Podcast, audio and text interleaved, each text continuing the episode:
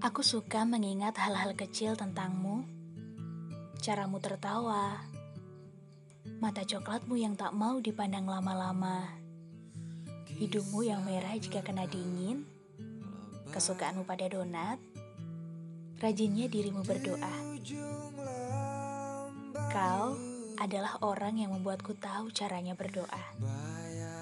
Dan kau tahu, selain doa untuk keluargaku, Doaku senantiasa tiga hal yang sama setiap malam. Ingatanku tentangmu takkan pernah dihapus. Kau bahagia dan Tuhan menyembuhkanmu. Melihatmu melawan sesuatu yang terus menggerogotimu sungguh membuatku sakit.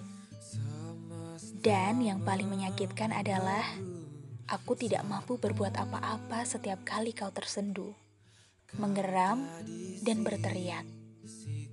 Aku benci penyakitmu, sungguh benci. Kau pernah menutup wajahmu karena merasa penyakitmu membuatmu buruk rupa. Bodoh. Di mataku, kau tetap mengagumkan. Kau pernah memintaku pergi. Bagaimana bisa aku pergi? Sementara tempat yang paling tepat untukku adalah di sampingmu.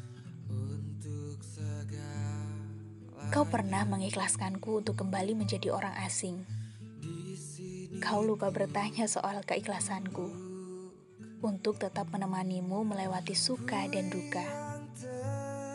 Jangan pernah menyerah. Aku yakin kau akan sembuh. Jangan pernah meminta maaf. Menghabiskan waktu untuk menjagamu adalah kebahagiaan untukku. Kata Juang kepada Ana dalam novel Konspirasi Alam Semesta karya Fiersa Besari.